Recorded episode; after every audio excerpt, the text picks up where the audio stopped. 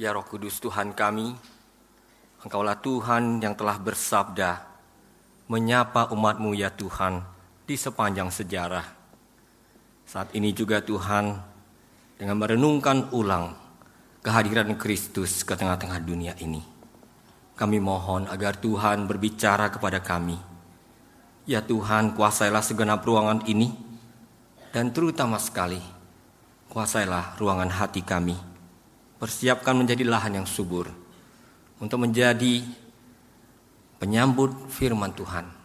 Sehingga dengan demikian Tuhan setiap kami yang hadir di sini menyembah Engkau di dalam roh dan kebenaran. Kami pulang dikuatkan, diperbaharui untuk melanjutkan tugas kesaksian kami dalam Yesus Kristus. Amin. Saudara dalam nama Tuhan Yesus Kristus, Shalom buat kita semua. Dalam suasana yang mulai kelihatan menjelang Natal ya. Kita hari ini ingin membuka satu teks. Satu teks yang sudah teramat tua. Dan untuk itu mari saya ajak kita untuk melihat Alkitab kita. Dalam kitab Nabi Yesaya pasal 9. Tadi dua ayat sudah dibacakan ayat 1 dan 2. Kita akan baca mulai dari ayat 1 sampai ayat yang ke-6 ya, supaya lengkap satu perikop. Ya.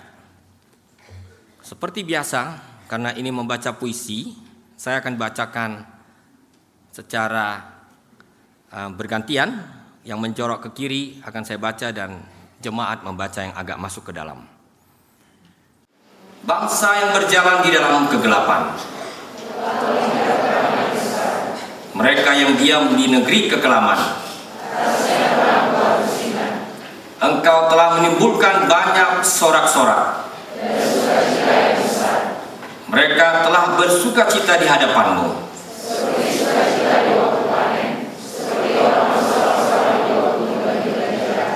Sebab kuk yang menekannya serta tongkat si penindas. Sebab setiap sepatu tentara yang berderap-derap Sebab seorang anak telah lahir untuk kita. Lambang pemerintahan ada di atas bahunya.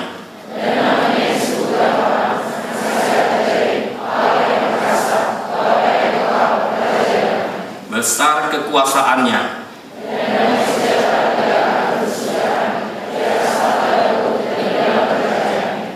karena ia mendasarkan dan mengokohkannya.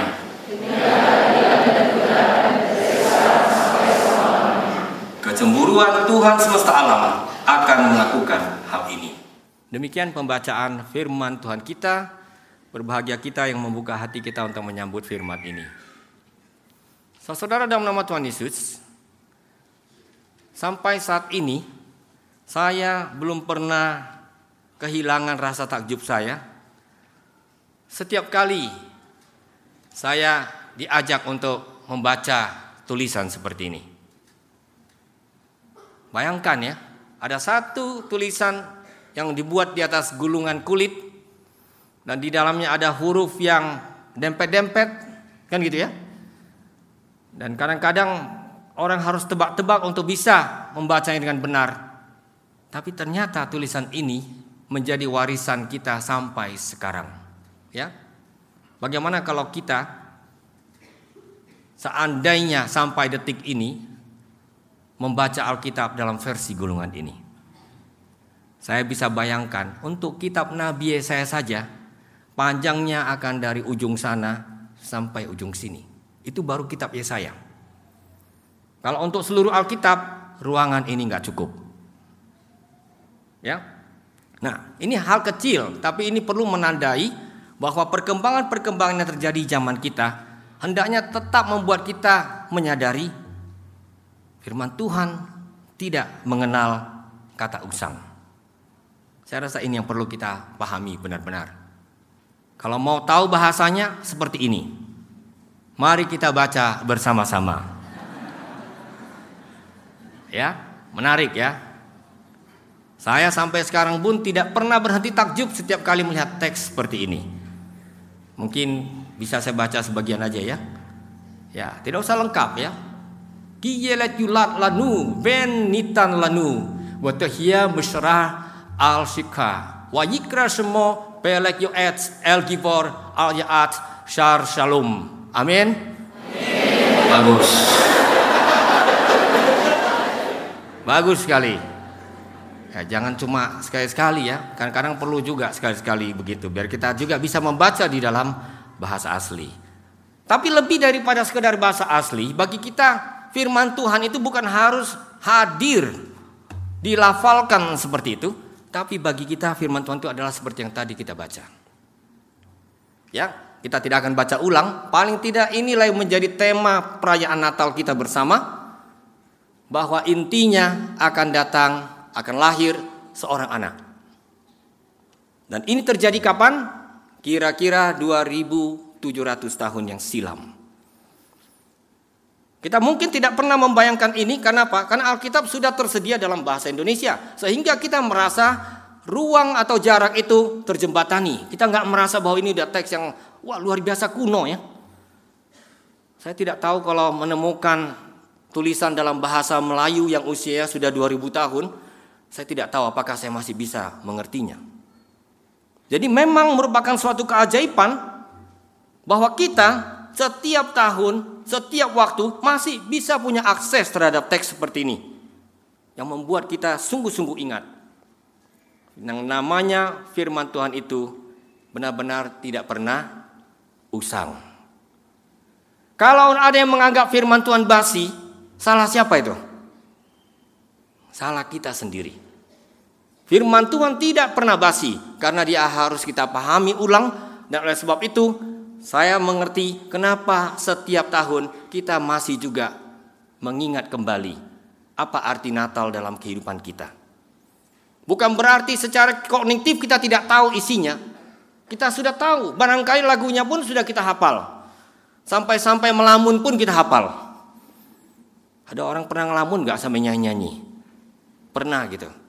Tapi ini perlu kita resapi kembali karena memang yang terjadi ini sesungguhnya adalah suatu peristiwa ajaib. Ketika firman itu masih menyapa kita.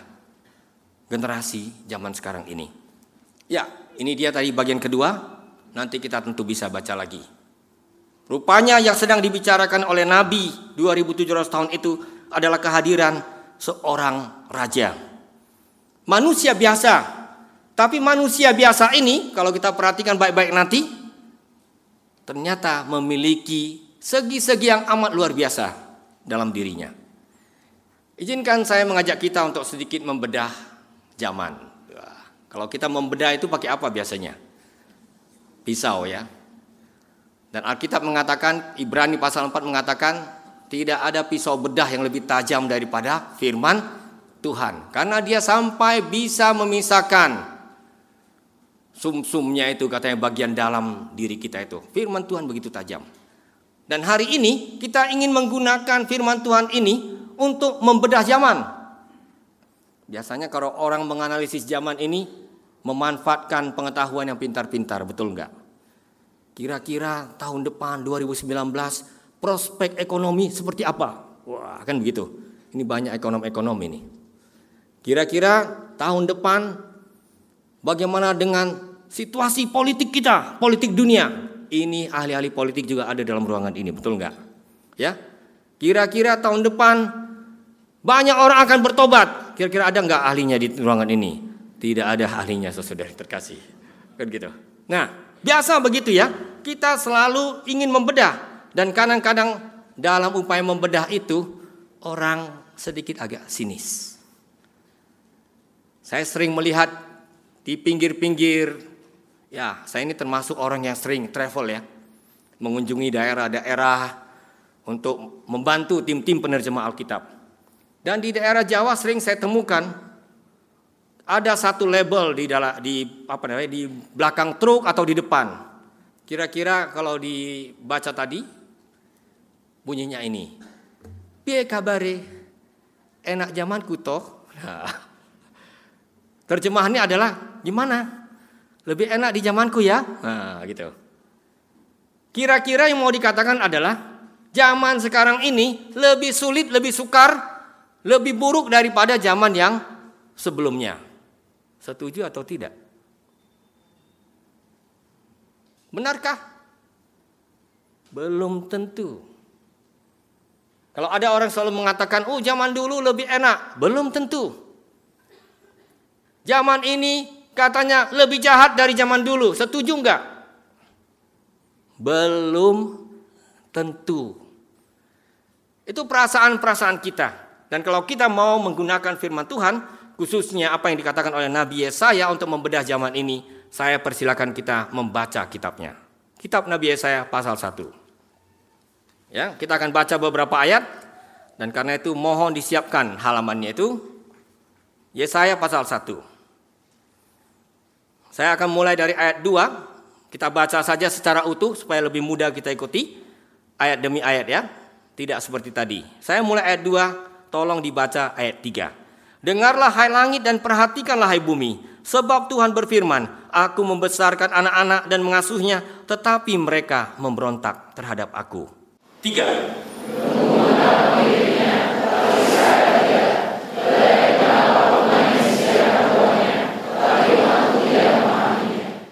Coba, coba seandainya ada firman Tuhan seperti ini kepada kita. Ini kira-kira firman Tuhan yang lembut atau sebenarnya ini firman Tuhan yang sangat sarkastis. Lembu aja kenal pemiliknya karena gitu ya. Keledai saja kenal palungannya. Tapi orang-orang yang mengaku Tuhan, orang-orang yang menjadi umatku ini tidak kenal Tuhannya. Dengan kata lain, kita lebih parah dari lembu dan keledai atau tidak? Begitulah Nabi kalau berbicara. Kalau Nabi sejati, kalau berbicara, ada saatnya dia bicara apa adanya. Dengan kata lain, kalau pakai bahasa gelambang, rupanya umat Tuhan itu kadang-kadang bisa lebih parah dari lembu dan keledai. Lebih parah daripada binatang.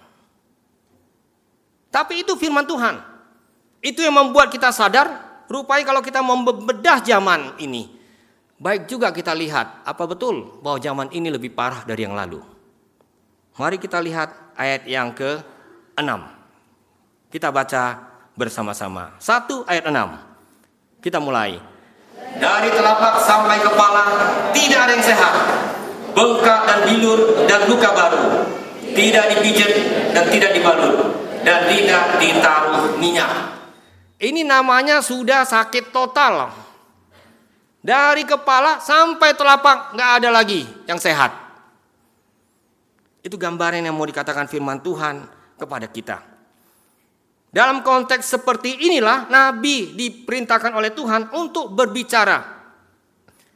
Dan biasanya kalau berbicara yang begini-begini tidak mungkin menjadi populer. Betul nggak? Orang sekarang ini bahkan kalau kebaktian kadang-kadang mau cari hiburan. Betul atau enggak? Kalau untuk perkantas ini tentu tidak betul. Kita tidak mencari hiburan. Kita ingin belajar dari kebenaran firman Tuhan. Meskipun tadi saya lihat persiapan sangat bagus, ini bukan hiburan.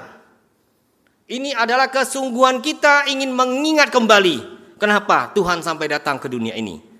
Dan karena itu kita ingin menaikkan puji-pujian dengan sepenuh hati, penuh penghayatan, merenungkan ulang maknanya. Dan itulah sebabnya sekali lagi rupanya ada saatnya Tuhan perlu mengirim hambanya seperti ini untuk mengingatkan pada dunia bahwa ternyata manusia bahkan umatnya sendiri sudah lari terlalu jauh dari hadapannya. Nah, saudara-saudara yang terkasih, kalau kita baca lebih lanjut, kita akan menemukan ternyata agama pun tidak jadi jaminan. Di zaman Nabi Yesaya, kira-kira orang rajin beribadah enggak? Jangan cuma manggut-manggut. Kalau ditanya, ditulis di bagian mana? Bingung nyarinya. Mari kita buka. Yesaya pasal 1 ayat 11. Kita baca bersama-sama. Kita mulai. Untuk apa itu kurbanmu yang banyak-banyak? Firman Tuhan. Aku sudah jemu akan kurban-kurban bakaran berubah domba jantan dan akan lemak dari anak lembu gemukan. Darah lembu jantan dan domba-domba dan kambing jantan tidak kusukai. Kadang-kadang orang berpikir orang bisa menyuap Tuhan dengan pemberian-pemberian. Salah. Maaf, kalau saya masih nyembah Tuhan yang demikian, saya belum jadi orang Kristen. Ya, saya kan termasuk salah satu kaum murtadin, istilahnya. Ya, dalam banyak agama di dunia. Maksud saya refleksi ini bukan untuk menjelekkan, bukan. Hanya perenungan ulang. Dalam banyak agama suku bangsa di dunia, biasanya orang kalau datang menghadap dewa dewi, ilah ilah, biasanya bawa apa? Persembahan. Betul nggak? Tujuannya apa? Mengambil hati. Supaya kalau marah berhenti marah. Lalu memberi berkat, betul nggak? Saya dulu waktu masih ke Kelenteng, sampai ukuran hionya itu berbeda, tahu? Ada yang kayak lidi, ada yang kayak tiang. Dan itu kira-kira berkorelasi dengan ukuran kantong. Saya mempraktekkan makanya tahu. Ya. Nah, tentu itu sudah masa lampau dan harus saya katakan dengan tegas sekarang ini, Tuhan yang saya temukan di Alkitab tidak mempan yang begitu. Urusan persembahan, korban-korban pemberian-pemberian itu tidak bisa membuat hatinya langsung tertarik, langsung menjawab doa. Kira-kira kalau kepingin dapat jodoh, bawa apa ya? Saudara yang terkasih, inilah yang membuat kita sadar Tuhan yang kita temukan di dalam nubuat Nabi Yesaya ini dan seluruh Alkitab adalah Tuhan yang punya standar etika. Tuhan yang tahu dan mempertahankan kebenaran dan Tuhan yang tetap sampai kapan pun akan menuntut itu dari umat Tuhan. Ya, karena itu Izinkan saya menegaskan terus terang. Kalau di antara umat Tuhan tidak laku yang namanya cuci uang. Cuci baju silakan, cuci sepatu silakan, cuci mata boleh-boleh saja. Cuci uang tidak laku. Gejala ini adalah gejala yang marak di NKRI. Orang berani cuci uang supaya kelihatan terhormat dengan label-label keagamaan. Tapi Tuhan tidak dapat dibujuk dengan segala jenis cuci uang. Nah, ini dia yang dikatakan dengan amat tegas. Dan Tuhan tahu apa yang terjadi dalam hidup kita. Karena itu, dengan amat marah dengan nada marah, jangan kira kalau Tuhan tidak sering marah. Ya. Tuhan rupanya juga sering marah. Kenapa? Karena memang dia perlu marah. Ketika apa yang terjadi itu tidak sesuai dengan firman yang sudah dia sampaikan. Mari kita baca satu kali lagi. Yesaya pasal 1 ayat yang ke-15. Kita baca bersama-sama. Apabila kamu menadahkan tanganmu untuk berdoa, aku akan memalingkan mukaku Bahkan sekalipun kamu berkali-kali berdoa, aku tidak akan mendengarkannya. Sebab tanganmu penuh dengan darah. Kira-kira kalau ini dibacakan ulang, diteriak-teriakkan di jalan di NKRI ini, kira-kira tersinggung nggak orang-orang? Resiko jadi nabi. Ya, Aku tidak mau, doamu tidak mempan, bahkan doamu juga tidak akan kuterima, kata Tuhan. Kalau tanganmu berlumuran darah. Kalau sambil berdoa orang menginjak-injak orang lain. Kalau sambil berteriak-teriak berdoa orang menyingkirkan orang-orang lain, termasuk yang tidak sama identitasnya dengan kita. Karena itu kita anak-anak Tuhan dipanggil bukan untuk menyingkirkan orang lain, tapi menyingkirkan segala bentuk kemunafikan kejahatan. Amin. Saudara yang terkasih, inilah yang menjadi konteks bedah zaman yang saya sebutkan tadi.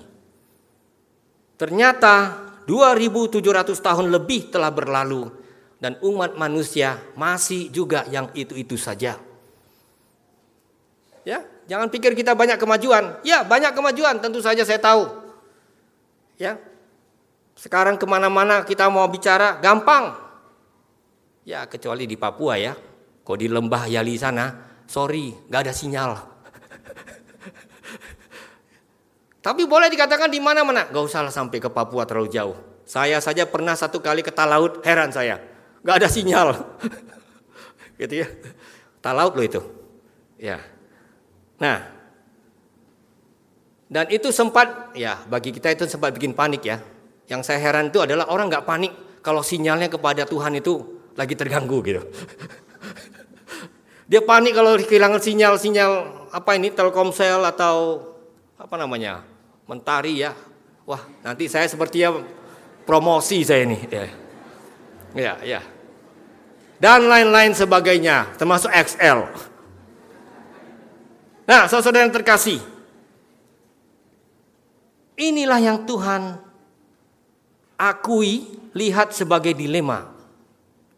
Kalau saya membaca Alkitab, saya memahami, apalagi dalam Perjanjian Lama. Ternyata Tuhan itu sering frustrasi. Jangan kira cuma manusia yang frustrasi, Tuhan pun frustrasi. Jadi kalau saudara merasa frustrasi, tenang. Tuhan pun frustrasi. Melihat siapa? tingkah laku manusia. Ya? Dikatakan tidak tahu kebenaran, banyak yang tahu kebenaran. Kan begitu? Dikatakan tidak tahu firman Tuhan, banyak yang tahu firman Tuhan. Tapi kok tingkah lakunya kok terbalik, tidak sesuai dengan harapan. Dan kita tahu ya, sebagai orang tua, selalu ada semacam dilema bagi seorang tua. Saya punya anak-anak tahu saya seperti itu. Kalau anak-anak nakal itu dibiarkan atau di diberi pelajaran. Kira-kira saya milih yang mana? Kalau mau damai tentram, kalau anak-anak nakal zaman sekarang ini adalah sodorkan iPad sayang. Selesai urusan. Dia akan main terus, lupa segala macam, tentram, tidak ada bunyi. Kan gitu. Tapi kalau saya masih mengasihi anak ini, ketika dia tidak sesuai dengan jalan yang kita harapkan, kita harus beri pelajaran. Kita harus ingatkan dan kita harus disiplinkan. Ini yang membuat Tuhan itu serba salah. Jangan kira kita cuma kita yang serba salah ya. Tuhan pun tidak jarang serba salah. Jadi Tuhan yang Maha Kudus itu dan Maha Adil itu itu harus bertarung dengan Tuhan yang Maha Kasih dan Maha Pengampun. Saya pinjam istilah reformator kita, Dr. Martin Luther. Dia katakan, untuk menghadapi manusia-manusia seperti kita ini, Tuhan harus melawan Tuhan. Ya, Tuhan yang mengasihi itu harus melawan Tuhan yang penuh dengan kekudusan, yang punya standar, yang harus menghukum umatnya tapi dia harus melawan dirinya. Saya ajak kita membaca salah satu nats yang merupakan nats yang sangat menggambarkan ini dalam kitab Nabi Hosea. Silakan dibuka Nabi Hosea pasal 11. Kita akan baca ayat 4, kemudian kita akan baca ayat 7 dan ayat yang ke-8. Ya. Saya akan baca ayat 4, tolong jemaat membaca ayat 7, begitu juga ayat 8, ayat Ya, ayat 8 dan ayat 9. Firman Tuhan, Aku menarik mereka dengan tali kesetiaan, dengan ikatan kasih. Bagi mereka, aku seperti orang yang mengangkat kuk dari tulang rahang mereka. Aku membungkuk kepada mereka untuk memberi mereka makan. Ayat 7.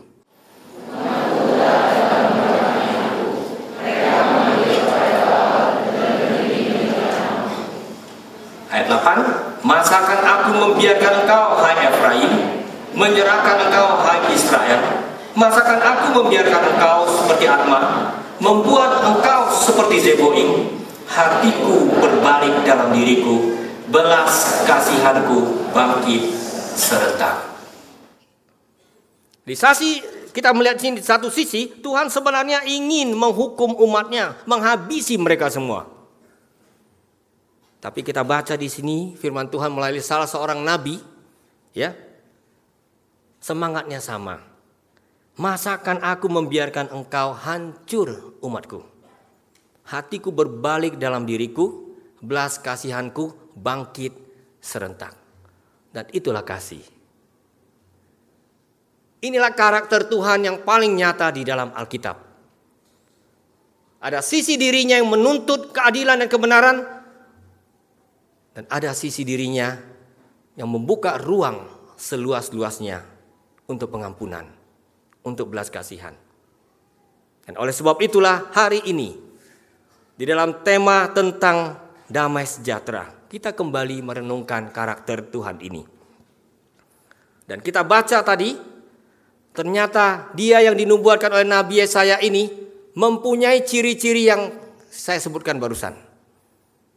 Kembali kita membaca Yesaya pasal 9. Ya. Nats yang menjadi inti dari perenungan kita hari ini. Yesaya pasal 9 ayat yang kelima mengatakan, Sebab seorang anak telah lahir untuk kita, seorang putra telah diberikan untuk kita, lambang pemerintahan ada di atas bahunya dan namanya disebut orang penasihat ajaib, Allah yang perkasa, Bapa yang kekal, Raja damai. Dia yang akan datang itu adalah penasihat ajaib yang bisa memberikan kepada kita tuntunan bagaimana hidup ini ke depan. Kita tahu ya, memang dalam hidup nyata di dunia kita ini banyak orang-orang pintar. Yang nasihatnya pun ajaib-ajaib. Ya, saking-saking ajaibnya, kalau orang Inggris bilang, it's too good to be true. Terlalu benar sampai kita nggak percaya. Tapi yang akan datang ini jelas bukanlah sekedar penasihat-penasihat palsu yang membuat kita berilusi tentang dunia ini. Penasihat ajaib yang betul-betul menunjukkan arah kepada kita. Bagaimana kita harus hidup ke depan. Allah yang perkasa. Kata perkasa biasanya menunjukkan kekuatan, kan gitu ya. Dan sering dikaitkan dengan katakanlah kekuatan pasukan. Tapi kita nanti akan melihat di sini dia yang disebut Allah yang perkasa itu adalah Allah yang sungguh-sungguh perkasa bahkan untuk mengalahkan dirinya sendiri. Luar biasa memang Tuhan kita. Ya. Allah yang beginilah yang akan mampu membiarkan dirinya kemudian tersalib. Jadi kalau kita bilang orang kuat, tolong ingat ya. Yang disebut kuat itu bukanlah kuat hanya karena kekuatan fisik. Tapi juga adalah kuat karena mampu mengalahkan diri sendiri. Dan dalam hal ini jelas Allah yang perkasa ini adalah dia yang nanti akan mengarahkan sejarah dengan menghadirkan jenis kekuatan yang lain kekuatan kasih. Bapak yang kekal. Ini juga karakter dia dalam relasi dengan kita. Jadi orang Kristen tolong ingat.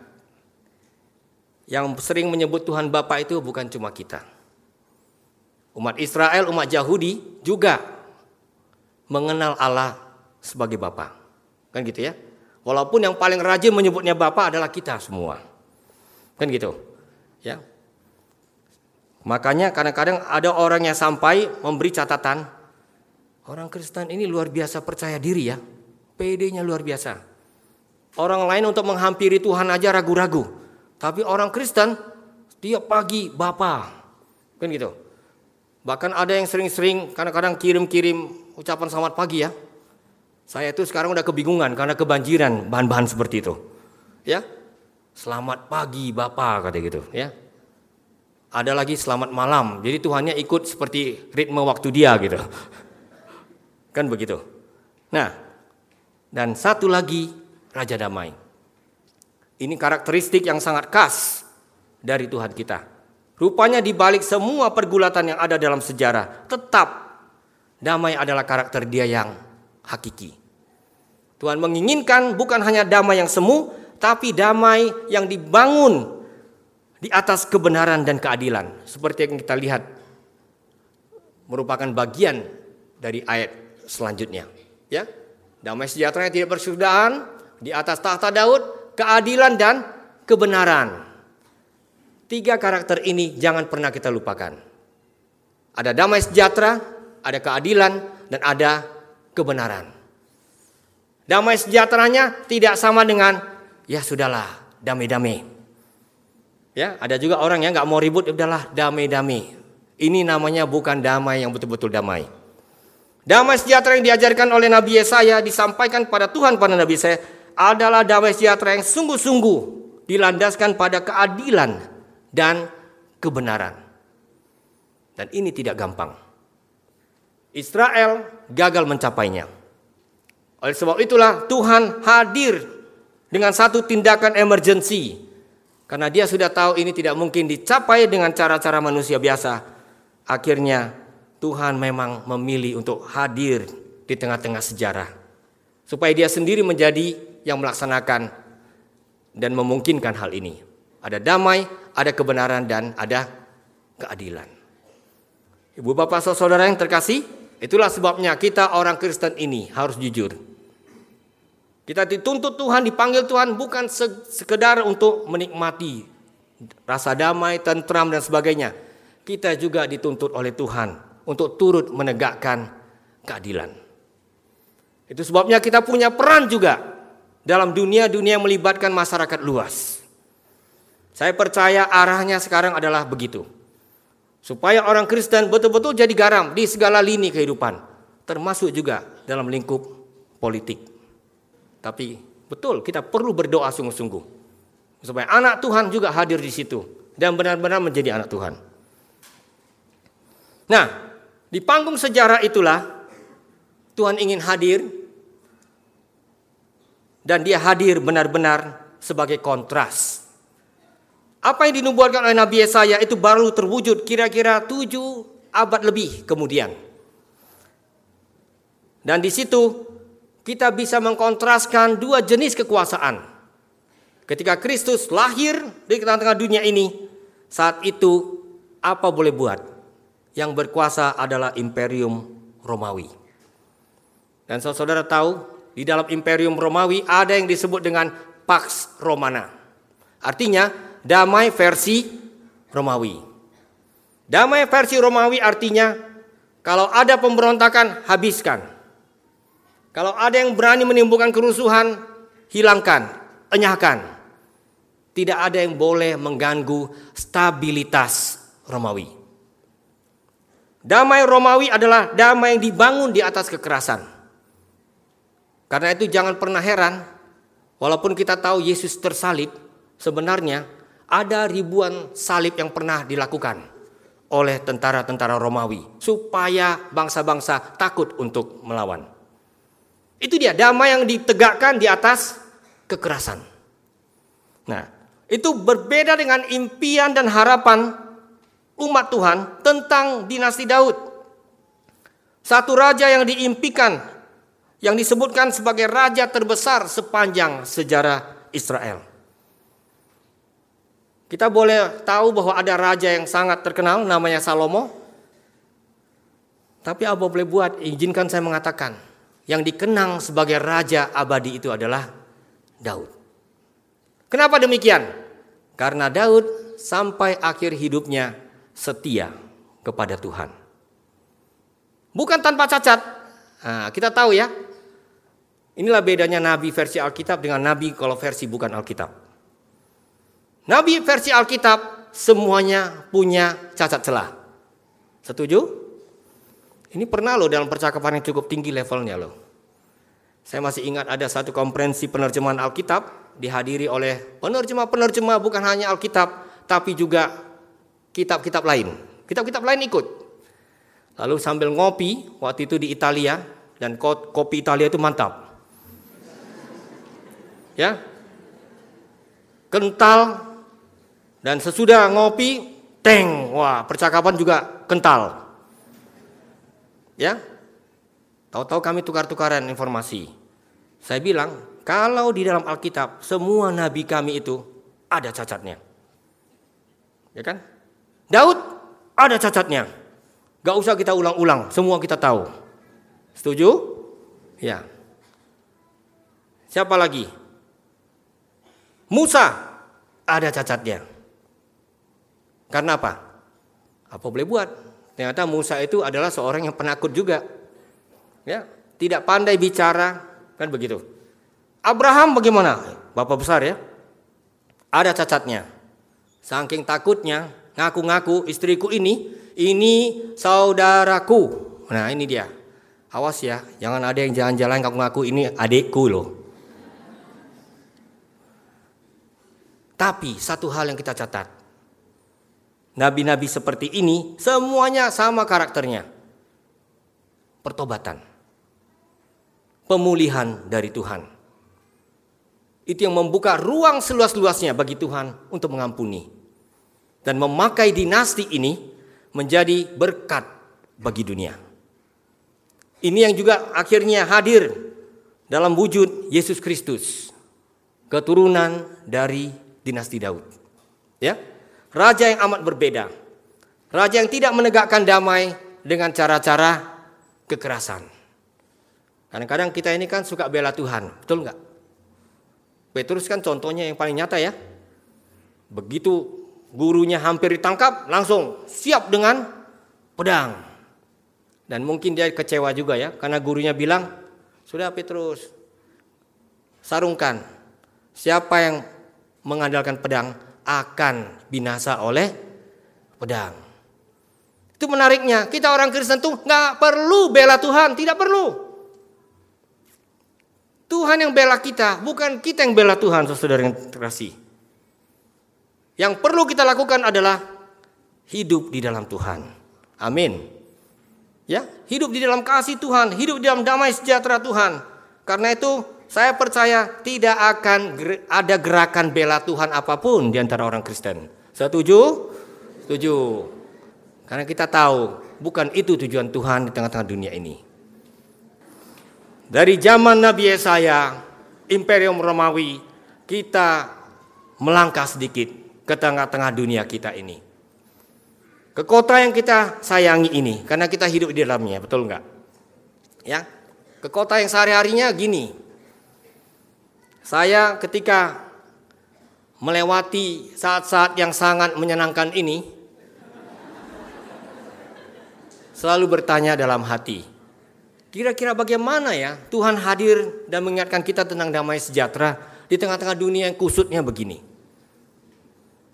Ya, sehari-hari saya dengan anak saya naik Kopaja. Kalau mau tahu nomornya 502. Lewat Kampung Melayu. Kan gitu. Dan turun ya biasanya di tikungan sebelum menuju ke proklamasi. Dan kadang-kadang kalau saya tidak bersama dengan anak saya, saya sengaja jalan dari situ ke Salemba Raya. Supaya sekalian olahraga, kan gitu. Dan saya selalu geleng kepala. Kenapa? Zebra crossku di manakah posisimu? Tidak jelas, saudara yang terkasih. Di situ sudah ada angkot, ada motor, segala jenis. Ya, dan saya sambil geleng-geleng kepala melihat orang lain, ternyata orang lain juga geleng-geleng kepala lihat saya. Maaf, itu kecil tapi itu menggambarkan siapa Indonesia. Orang yang nggak peduli, yang penting saya senang gitu ya. Tidak taat aturan. Dan bagaimana kita tetap sebagai umat Kristen dalam situasi seperti ini, kita tetap ingat menjadi tanda-tanda damai sejahtera. Dalam hati kalau mengikutkan emosi ini, tiap hari mungkin komplainnya sudah sampai ke langit ketujuh. Tapi kemudian saya mengerti, inilah yang dikatakan oleh Nabi Yesaya dan para nabi. Kalau di dalam ini tidak ada perubahan, percuma semua aturan. Setuju? Mau dibikin aturan seperti apa pun, kalau di dalam ini tidak ada perubahan sikap, percuma. Kalau boleh sampai aturan duduk berdiri diatur semuanya. Ya, di ruangan ini posisi duduk harus begini dan sebagainya. Senyum pun diatur, gitu. Tapi percuma, bukan itu intinya. Kadang-kadang saya suka heran dengan umat Yahudi, ya tidak bermaksud melecehkan ya, yang begitu keranjingan dengan aturan-aturan. Saya itu pernah ditanya orang dalam satu kebaktian, keluar dari sana kebetulan umat beragama lain. Pak, sebenarnya hukum dalam Alkitab itu ada berapa banyak? Saya sampai melongo. Saya nggak pernah hitung saya bilang. Yang jelas sangat banyak. Dan saya tahu orang Yahudi rajin menghitungnya. Ada yang menyebutkan dalam kitab Taurat saja hukumnya itu dicatat 613. 613. Ya. Jangankan melakukan, mengingatnya saja susah Ibu Bapak Saudara. 613 loh. Lalu 613 ini masih tafsir ulang gitu. Misalnya kalau sahabat tidak boleh bekerja gitu ya, menyalakan api juga nggak boleh. Menghidupkan lift boleh nggak? Boleh nggak? Tidak boleh. Tapi komputer bisa diprogram supaya bisa menghidupkan lift. Itu yang mereka lakukan. Pintar-pintaran dengan Tuhan. Nah, semangat ini yang bukan menjadi inti kita. Semangat ini yang membedakan iman Kristen dari iman-iman lain. Dan saya masih ingat percakapan itu dengan dua orang remaja yang pas dalam satu minggu misi di gereja bertanya soal itu. Ada berapa hukum pak? Saya katakan iman Kristen tidak bisa dihitung hukumnya. Kenapa? Karena inti iman kami bukan hukum. Inti iman kami adalah hubungan Inti iman kami adalah kalau kami dalam hidup ini berdamai dengan Tuhan, sadar bahwa kami membutuhkan Dia. Inti iman kami adalah bukan harus harus harus jangan jangan, tapi bagaimana hidup saya bisa pulih kembali dengan Tuhan. Sehingga dengan demikian hati saya ditata ulang untuk bisa bergembira, bersyukur kepada Tuhan setiap hari. Itu yang saya katakan. Dan sesudah itu saya dipanggil untuk berbagi kasih kepada dunia. Dan itu ternyata amat berbeda saudara yang terkasih. Jadi ketika kita bicara hari ini tentang kelahiran yang membawa damai sejahtera, sebenarnya itu yang kita rayakan. Tanpa hubungan yang dipulihkan, apa yang kelihatannya baik-baik itu semu saja. Pada waktu saya masih agak muda, sekarang masih muda tapi sudah tidak terlalu. Saya kuliah di Universitas Cambridge. Saya ber, mengenal seorang profesor terkenal namanya Profesor Stephen Hawking. Kenal-kenal begitu ya, jangan tanya saya. Ya, karena dia orang terkenal, saya ingin juga ikut kuliahnya gitu ya. Walaupun apa yang dia kuliahkan sering saya juga antara mengerti dan tidak mengerti. Ya. Nah, tahun ini bulan Maret meninggal dunia. Kan begitu. Saya waktu itu berenung sebentar mengingat, ah ini orang terkenal ini.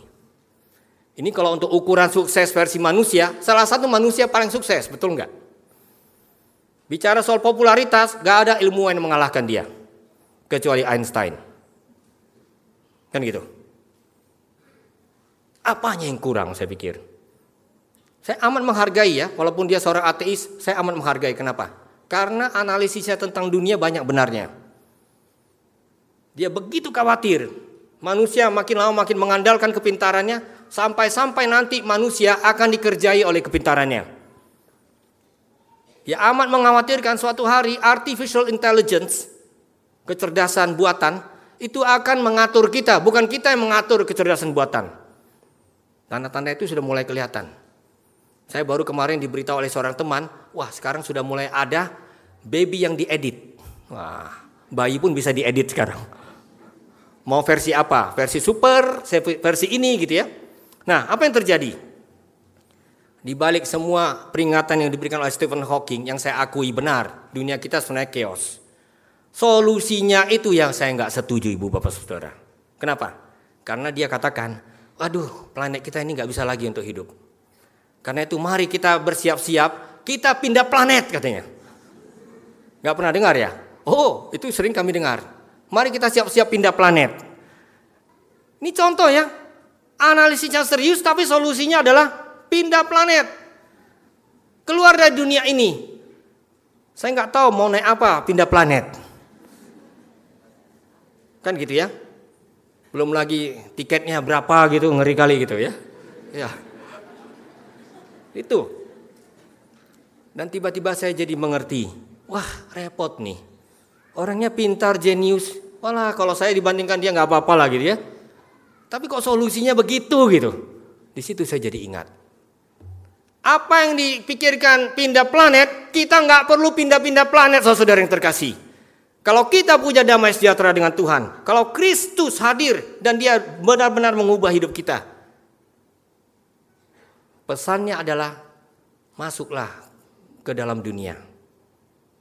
Bawalah damai sejahtera ke dalam dunia. Dunia ini tidak akan pernah sempurna sampai kapan pun.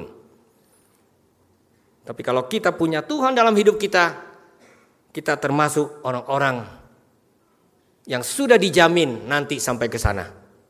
Ya. Bukan planet, langit baru dan bumi yang baru. Lebih dari planet itu, saudara yang terkasih. Dan karena itu, kita konsentrasi untuk membawa misi ke tengah-tengah dunia ini. Untuk menghadirkan kabar baik bagi dunia ini. Tengah-tengah dunia kita yang bukan main banyaknya kabar buruk, betul nggak? Terakhir-terakhir ini kita akan selalu terkejut ya. Oh, kok manusia kok sadis sekali ya? Ya, saya aja sampai nggak mengerti gitu. Yang dibantai ternyata nggak hanya orang tuanya, sampai ke keponakan, keponakan lo itu. Itu belum apa-apa. Karena semuanya itu menunjukkan kepada kita memang manusia tanpa Tuhan cenderung menjadi bengis.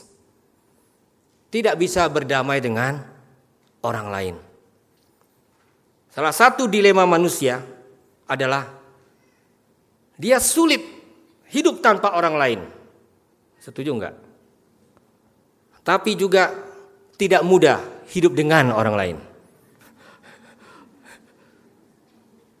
Dan supaya dia mampu demikian bagaimana? Dia harus bereskan hatinya dan hubungannya dengan Tuhan. Saudara yang terkasih, itulah sebabnya hari ini kita merenung ulang. Bagaimana firman ini, damai sejahtera ini boleh hadir tengah-tengah dunia yang serba seperti ini. Agama-agama baru bermunculan, dan salah satu di antaranya saya juluki agama libidosofi. Ada filosofi ya, ada teosofi ya, tapi ini libidosofi. Ya. Ada agama-agama pemuja hasrat. Dalam arti yang seluas-luasnya. Saya tidak sempitkan ini dalam soal seksual. Ini dalam arti yang seluas-luasnya. Agama-agama yang dicirikan dengan memiliki lebih. Sudah punya gadget yang bagus, oh ya ada versi terbaru loh. Kan gitu. Wah ini versi yang pokoknya kameranya hebat gitu. Saya selalu heran kenapa kamera saya itu buram gitu. ya, dan saya kurang peduli dengan keburaman itu gitu. Ya, tapi ada orang yang ganti-ganti hanya karena oh kameranya hebat ini. Ini punya kecanggihan fitur ini dan fitur itu. Kalau ada di antara kita dalam bidang seperti itu, ya ini tidak bermaksud de promosi, tidak termaksud. Tapi kita mau mengakui dengan jujur, dunia kita dikuasai oleh agama-agama hasrat.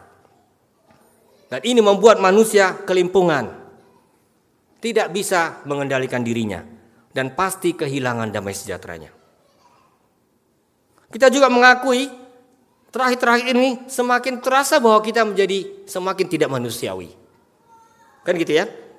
Dalam masyarakat jelas agama tidak lagi menjadi faktor yang menentukan kita menjadi manusiawi. Sedih kita sebenarnya. Ini terjadi di mana-mana, khususnya di NKRI. Agama tidak memampukan kita menatap orang lain meskipun berbeda sebagai manusia yang patut dikasihi dan dicintai. Kan gitu. Sehingga patut dicurigai ramainya agama-agama di ruang publik di Indonesia ini. Lalu apalagi? Dalam keluarga pun terjadi semacam dehumanisasi. Komunikasi semakin sulit di era yang sangat memuja alat-alat teknologi komunikasi. Kan begitu. Keluarga-keluarga semakin berantakan. Sampai-sampai Ini menjadi sebuah tantangan yang besar sekali, bahkan di antara umat Kristen sendiri. Ada sesuatu yang tidak beres. Dan sesuatu yang tidak beres ini tidak bisa diselesaikan hanya pada level manusiawi. Saya selalu ragu keluarga Kristen tidak pernah berdoa bersama itu bisa tetap bersama-sama sampai maut memisahkan. Ya, maaf kalau yang belum menikah tolong ingat ini. Saya selalu ragu. Kalau keluarga Kristen tidak pernah hatinya menyatu secara spiritual, berharap nanti dia akan bisa abadi sampai maut memisahkan salah satu. Kan gitu. Begitu juga bahkan dalam pelayanan di gereja, tolong catat ini. Ternyata roh dari luar yang masuk ke dalam. Sampai-sampai dalam gereja pun bisa terjadi. Orang-orang Kristen pun kehilangan damai sejahtera. Karena apa? Karena visinya lari ke mana-mana. Ego menjadi begitu penting. Dan oleh sebab itulah kita diingatkan kembali. Untuk bisa benar-benar memiliki damai sejahtera itu, sebenarnya tidak sulit-sulit jalannya.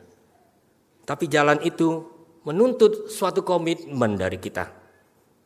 Apakah saya bersedia dengan jujur dan setiap hari membuka diri untuk dibentuk ulang oleh firman Tuhan.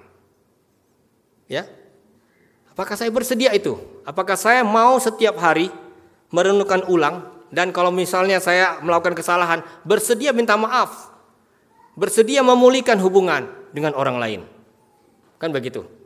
Tanpa kemauan seperti ini, tidak mungkin ada damai sejahtera di kantor, dengan tetangga, bahkan saya berani katakan dalam gereja.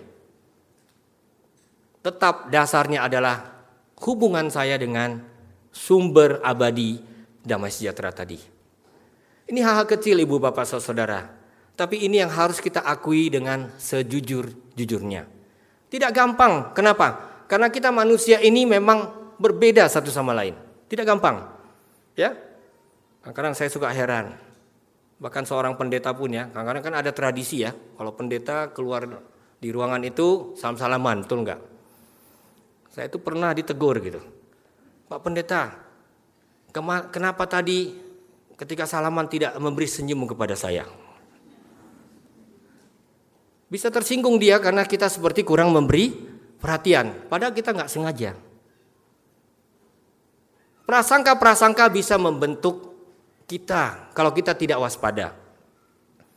Dan bagi saya, seandainya kita nggak punya Tuhan, wah, luar biasa berbahaya. Tidak ada katu pengaman lain dalam hidup kita, ibu bapak saudara. Ya, seandainya kita nggak punya Tuhan dan firman Tuhan dalam hidup ini, betapa bahayanya. Semuanya serba mengikuti emosi. Sumbu kita makin lama makin pendek, itu istilahnya. ya, jadi tolonglah orang Kristen jangan ikut-ikutan jadi orang-orang yang sumbunya pendek. Kita punya sumbu surgawi. Dan itu yang kita mau rayakan dan syukuri hari ini. Nah, ini juga penyakit baru.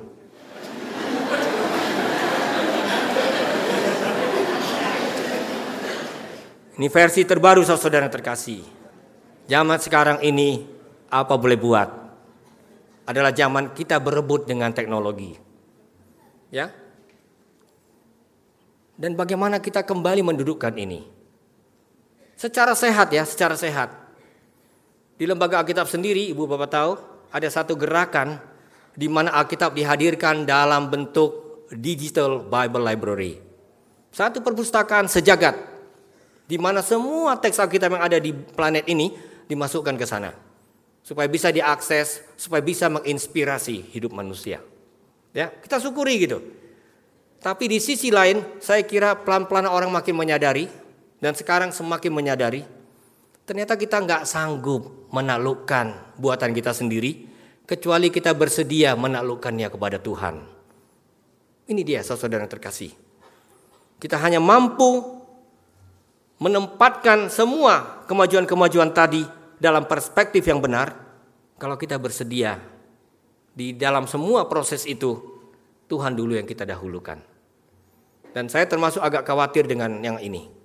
Ya, karena ini dia bisa merampas waktu kita, merampas hati kita dan dan pasti merampas damai sejahtera dari hidup kita. Sekarang ini sangat sulit ya, orang dulu bangga, wah informasi banyak sekali. Tadi sudah disebutkan. Ternyata sekarang informasi banyak sekali, termasuk hoax. Wah, luar biasa banyak. Raibnya damai sejahtera membuat kita harus melihat ulang. Bagaimana kita bisa menjalani semuanya ini dengan meyakini bahwa Tuhan ingin kita berdamai dengan dirinya. Kan gitu. Nah, pernah ada satu survei dan survei ini dilakukan oleh satu lembaga PRC. Ini baru tahun ini. Pertanyaannya adalah dengan siapa Anda berkonsultasi bila ada masalah? Dan ketika baca survei ini saya terperangah Ibu Bapak Saudara. Orang tua lumayan tinggi, 43 persen. Ya, ini orang tua yang cukup baik ini, masih mau anaknya konsultasi. Sahabat lumayan banyak, sekitar 28-29 persen. Kakak 5 persen. Rupanya kakak pun udah sulit dipercaya sekarang. Mentor 4 persen. Aduh, ini bukan perkantas yang disurvei. Kalau perkantas yang survei mungkin naik sekali ini. Pacar, sorry ya, 0,2 persen. Forum internet, kita pikir dengan majunya teknologi bermacam, orang tentu terbuka ya karena punya banyak friends gitu ya. Walaupun apa friendsnya saya nggak tahu itu. Ya, ternyata sedikit sekali. Kalau orang betul-betul bermasalah mau terbuka di forum internet sedikit sekali, 1,3 persen. Dan yang ini yang paling tidak enak, pendeta 1,2 persen. Waduh, kan gitu. Guru dosen sedikit dan paling membuat hati saya miris adalah Tuhan Yesus 0,5 persen. Ini survei di kalangan Kristen. Dan ini adalah warning time. Perkantas punya tantangan sekaligus peluang. Serius. Perkantas punya tantangan sekaligus peluang. Kalau kita sudah baca statistik ini. Ada tanda-tanda bahwa gereja pun tidak sanggup lagi melayani kalangan-kalangan ini. Karena ini survei di kalangan muda ini. Doa saya untuk perkantas. Supaya ini menjadi sebuah tantangan untuk dijawab. Agar Tuhan pakai. Sehingga ketika ada pergumulan hidup. Ketika orang-orang muda sepertinya kehilangan arah.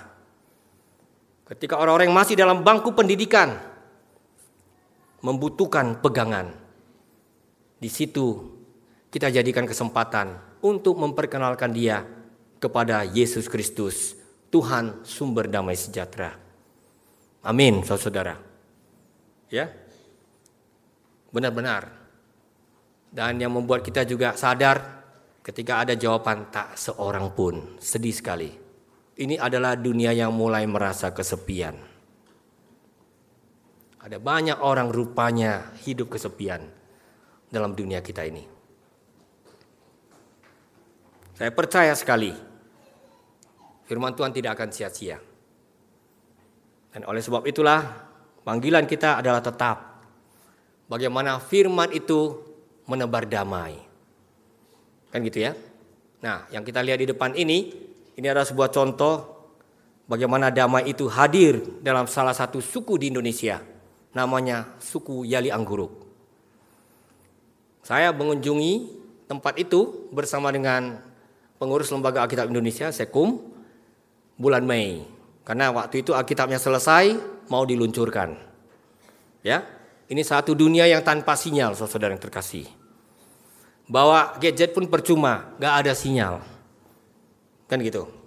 Ya. Nah, mereka begitu bersuka cita. Kenapa? Karena firman yang menjanjikan damai sejahtera itu hadir dalam kehidupan mereka. Alkitab yang lengkap tadi. Dan tentu saja ini bukanlah pekerjaan instan. Ini perlu kita catat. Dalam perjalanan dengan pesawat kecil yang kalau diterpa oleh angin terasa sekali ayunannya. Kami duduk bersama berbicara dengan seorang penginjil dari kalangan itu sendiri. Dari kalangan Jali Angguruk. Namanya Onesimus Usior. Usianya sudah hampir 80 tahun. Dia bercerita sedikit. Pak, ketika saya pertama kali diutus kembali ke lembah tempat masyarakat kami tinggal, itu di era tahun 60-an awal, dia katakan kami semua belum berpakaian. Maksudnya berpakaian rapi gitu ya.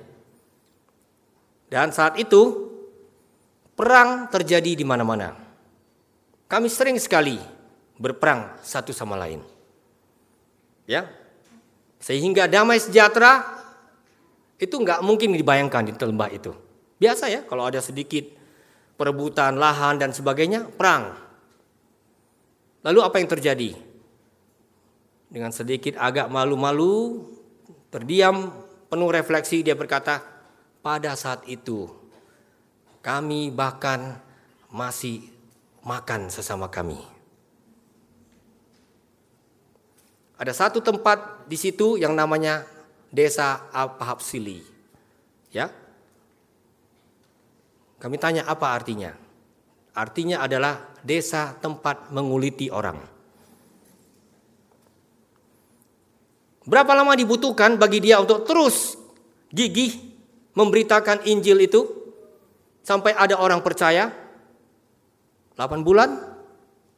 2 tahun? Terlalu pendek. 8 tahun. Sesudah memberitakan Injil 8 tahun, baru ada satu orang yang mau percaya.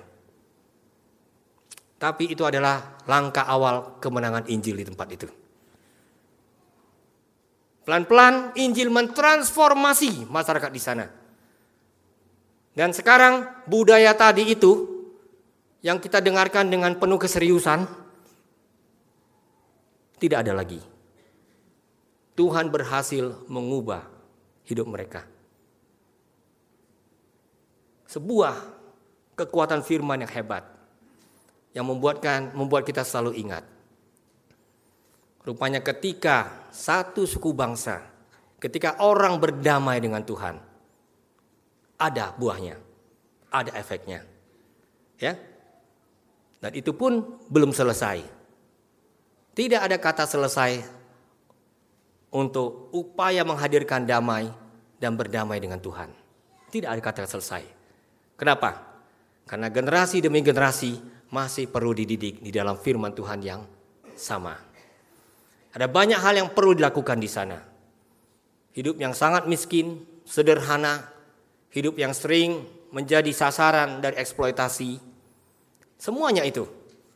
Di situ kita menyadari sungguh-sungguh. Ternyata tugas kita masih belum selesai. Masih banyak yang harus kita kerjakan di tengah-tengah dunia ini.